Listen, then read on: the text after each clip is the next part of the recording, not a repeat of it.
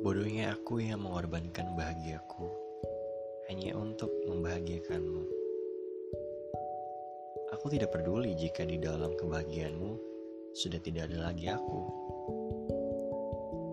Seberusaha itu aku membuatmu tersenyum, walaupun aku tahu bahwa bukan aku alasannya. Hingga akhirnya aku paham bahwa hati yang aku genggam dengan sangat baik pun tidak menutup kemungkinan akan berpaling. Tapi aku selalu percaya, sehebat apa pun aku berusaha melepasmu. Perpisahan adalah sebuah jalan untuk kelak kembali dipertemukan dengan seseorang yang lebih baik. thank you